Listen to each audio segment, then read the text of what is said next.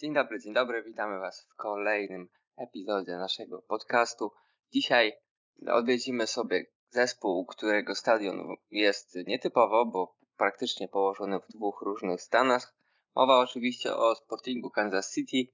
E, czemu o dwóch różnych stanach to później powie Bartek, to taka ciekawostka na później, e, którym właśnie dzisiaj będziemy sobie rozmawiać. Cześć wszystkim. Bartku, co możesz powiedzieć o sezonie SKC, Sportingu i jak wyglądał a on w ich wykonaniu? Przez 95% e, tego sezonu no to była rewelacja, tak? Wygrywali. Większość sezonu byli na szczycie tabeli. No może nie, nie kroili takich e, rekordów jak Revolution po drugiej stronie, jako w konkurencyjnej konferencji, ale naprawdę szli bardzo, bardzo mocno. Bardzo dobra obrona, dużo goli, bardzo mocna pomoc, co jest takim wyznacznikiem Sporting Kansas od lat. No, nie mogę się do nich przyczepić, bo naprawdę fajnie grali. Sprzedali Busio do Włoch za 10,5 miliona dolarów bodajże i tracą jednego z lepszych swoich piłkarzy. Czy to im coś przeszkodziło w połowie sezonu? No nie, nie przeszkodziło im i dalej grali swoje. Więc no, kurczę, no bardzo, bardzo dobrze prowadzony y, klub. Tu też trzeba pamiętać, że oni mają tego trenera Petera Vermersa, który prowadzi Sporting Kansas od 2000 bodajże 9 roku. Więc to jest absurdalny rekord, jeśli chodzi o prowadzenie przez jednego trenera klubu MLS. Myślę, że oni dalej będą wykręcać te rekordy. Znaczy on będzie wykręcać te rekordy, bo on dalej ma po prostu jeden stopień poniżej Boga z Kansas City. No myśl, nie wiem, co musiałby zrobić, żeby go zwolnili. Chyba trzy sezony, żeby był bez playoffów i chyba na trzy razy Woodspon, czyli ten drewniana łyżka, która daje, która zostaje e, podarowany najgorszemu zespołowi w lidze. No to może wtedy by go zwolnili, ale to też jest może. Wątpię, wątpię, by do tego doszło, to, to jak mówisz, musiałoby się stać naprawdę absolutna tragedia. E, ale jeszcze jakby e, mówiąc o tym całym sezonie, e, jak to jest w większości zespołów, które są wysoko, ktoś musiał ten wózek ciągnąć. Kto według Ciebie był tym pociągowym w całym tym 2021 roku, jeżeli chodzi, kto był największą gwiazdą w Sportingu? No to było chyba zaskoczenie dla większości, chyba nikt tego nie przewidział. Jeśli przewidział, to naprawdę konia z rzędem mu. Mówię oczywiście o 25-letnim Węgrze Daniele Saloi. On w niecałych 30 spotkaniach albo 30 zdobył 16 goli i 9 razy asystował. Więc y, on chyba był drugi w ogóle w tabeli kanadyjskiej w lidze. Tylko Manhakar z Nashville był wyżej, ale to z głowy mówię, więc albo drugi, albo trzeci. Po prostu MVP Stats. To był piłkarz do jedenastki sezonu. A co jest najśmieszniejsze, on gra w Sportingu, gra, nie gra przez pięć sezonów już, to był jego szósty. I on przez te pięć sezonów zdobył 15 goli, a w tym sezonie zdobył 16. no tak jak mówię, no mało mała jest szansa, że jakikolwiek ana, analityk mógł to przewidzieć, bo co, co tu się stało, to nie wie nikt, a na pewno nie on sam. Poza nim jeszcze mamy Szkota Russella. No tak, ten Russell to jest jeden z moich ulubionych piłkarzy, jeśli chodzi o SKC. Głównie jeśli chodzi o osobowość, ale też jest świetnym piłkarzem. Mimo, że osobiście przynajmniej nie, nie kibicuję SKC, ale jednak, że zawsze jeśli zdarza mi się obejrzeć, zawsze z przyjemnością rzucam okiem na grę tego zawodnika, bo to jednak jest Kawał gracza, jak na MLS. Kawał gracza, 15 goli, 7 asyst. To tak y, chłodna statystyka, ale tak jak Mateusz powiedział, to jest taki piłkarz, pan piłkarz. On gryzie trawę, walczy, jest świetnie zarządzającym, y, jeśli chodzi o współgraczy, no taki prawdziwy kapitan, kapitan. No, myślę, że dopóki on będzie grał w SKC, to nie odda już opaski kapitańskiej, bo tak jak Mateusz mówi, robi niesamowitą robotę. No i jeszcze takim trzecim piłkarzem, którego bym zdecydowanie wymienił, to jest Gadi Kinda. To jest reprezentant Izraela etiopskiego pochodzenia, jak wiadomo. bardzo dużo Etiopczyków zostało przerzuconych do Izraela około 25-30 lat temu. No i on jest jednym z tych dzieci, które zostały przerzucone do Izraela. Względy religijne zapewne jest wyznaniem mojżeszowego, bo w Etiopii bardzo dużo osób wtedy było takie. I oni ich po prostu przerzucili, gdy, gdy były po prostu dyskryminacje na tle religijnym. I bardzo dużo Izrael przyjął osób z Etiopii. Prawdopodobnie Gadi Kinda jest jednym z tych osób. Nie będę ciągnął tego dalej, bo nie udało mi się znaleźć tych informacji, ale tak czasowo to się zgadza. Jeden z, to był jeden z ciekawszych transferów 2020 roku, ale w tym sezonie też podtrzymał formę. To nie jest piłkarz, który po prostu będzie co chwilę trafiał na czołówki gazet twitterowych z jego pięknymi golami, ale naprawdę robi robotę, ciągnie ten zespół. Ja, ja myślę, że z każdym sezonem będzie lepiej wyglądał.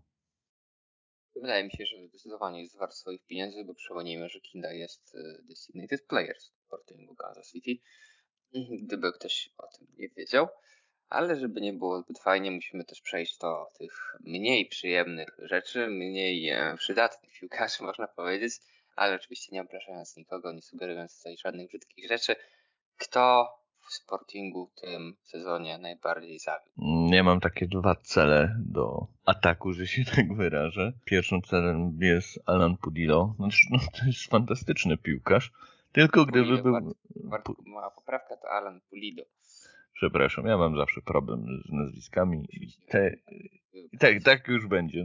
Tego nie przeskoczę. Bardzo dobry napastnik, tylko no, tak mówiąc niestety troszkę kolokwialnie szklanka. Znowu ma przecież kontuzję, która go wykluczy na cały sezon 2022. Pół sezonu nie grał, raz przez to, że grał na Gold Cup, raz przez to, że miał kontuzję, później znowu miał kontuzję. No trochę ciężko, jak znaczy, no, jest na boisku, to robi zmianę, tylko jest za rzadko na boisku. No, myślę, że kibice i trener z Kansas oczekują, żeby częściej był na boisku i tu na tym zakończę, bo to nie ma co osoby, która ma problemy zdrowotne kopać. Drugim takim rozczarowaniem był Jose Mauri. To jest Włoch argentyńskiego pochodzenia, dlatego taka specyficzna kombinacja. Co, co ciekawe, wychowanek AC Parmy. Później grał w Milanie, w Empoli. Później wrócił do drugiego domu, do Argentyny. No a później trafił do Sportingu. Tylko 9 spotkań. No i no, szału tam nie zrobił. No, na, tą, na to pochodzenie, jakie ma piłkarskie i na te wpisy w CVC, no zapewne większość kibiców myślało, że będzie lepszym zawodnikiem w ten sposób, bym powiedział. No, trzeba przyznać, że jakby inwestycja w puli do ogólnie się chyba SKC póki co nie zwraca. Ja jestem też trochę zawiedziony, liczyłem na tego gracza. Gdy przychodził, wierzyłem z nim dość dużo nadzieję, bo liczby w lidze MX kręcił całkiem solidne.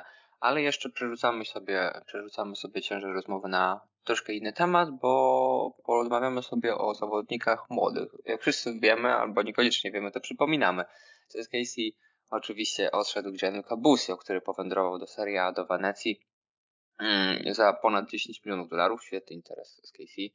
Jeszcze lepszy Busio, który może się rozwijać w lepszej lidze. Niekoniecznie lepszym zespole, ale jest jak jest. Mm, ale ponieważ Busio w zespole już nie ma, musimy sobie zadać pytanie, kto w takim razie jest e, kolejnym Busio, w cudzysłowie, kto teraz ma największe szanse, ma największy talent, jest największym prospektem w SKC, moim zdaniem. No troszkę mogę zawieść e, kibiców. Znaczy takiego gotowego, który już grał, oczywiście tam w akademiach jest kilku ciekawych piłkarzy, ale to oni się przebiją za rok, za dwa. Takiego Busio drugiego, który powiedzmy w połowie 2022, 2000 początek 2023 sezonu, który przejdzie do Europy za grube miliony, no nie ma i chyba nie będzie jeszcze właśnie przez jakiś czas, ale takich dwóch chłopaków, których mogę e, wspomnieć, bo byli całkiem fajni, no to 20-letni, obaj Amerykanie, 20-letni Cameron Duke, to jest środkowy, prawy e, obrońca, niekiedy defensywny pomocnik. No, to był jego taki, ten sezon był takim jego przełamaniem. Trochę wszedł do pierwszego składu. Drugim ciekawym obrońcą był Jalen Lindsay, 21-letni prawy obrońca, który no, miał całkiem fajny sezon, bo on tam dość dużo zastępował Zusio, ale no, tutaj Kansas się nie, jakby to delikatnie powiedzieć, nie wykazało się intelektem, oddając go klubowi nowemu z expansion, czyli Charlotte za 100 tysięcy gam. To jest młody chłopak, który ociera się o młodzieżowe reprezentacje i oddali. I naprawdę gra na takim poziomie, że no, połowa klubów MLS spokojnie by chętnie go miała w 18 meczowej to co najmniej i oddali go za 100 tysięcy gam, co jest po prostu bardzo tanio. Naprawdę, no, niekiedy więcej się płaci za możliwego piłkarza z draftu, prawda, albo jakiegoś, nie wiem, dziadka, który ma 35 lat, niech dokończy w naszym zespole ostatni sezon. No, ja wiem, ja wiem, że okej, okay, jest z Charlotte i może on bardzo naciskał na to, że chciałby wrócić do rodzimego domu, ale no, oczekuję od zespołu, który no, gra od początku w MLS, że będą ogarniać trady, a to był trade na poziomie Chicago Fire albo Interu Miami. No można Chociaż... powiedzieć, to był taki pik Chicago Fire, jeżeli chodzi o trade, prawda?